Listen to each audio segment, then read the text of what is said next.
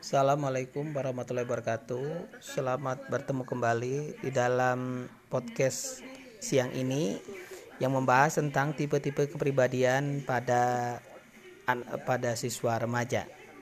Baiklah, mudah-mudahan eh, podcast ini bermanfaat bagi kita semua, khususnya bagi siswa yang tengah pada masa remaja, khususnya di kelas 8.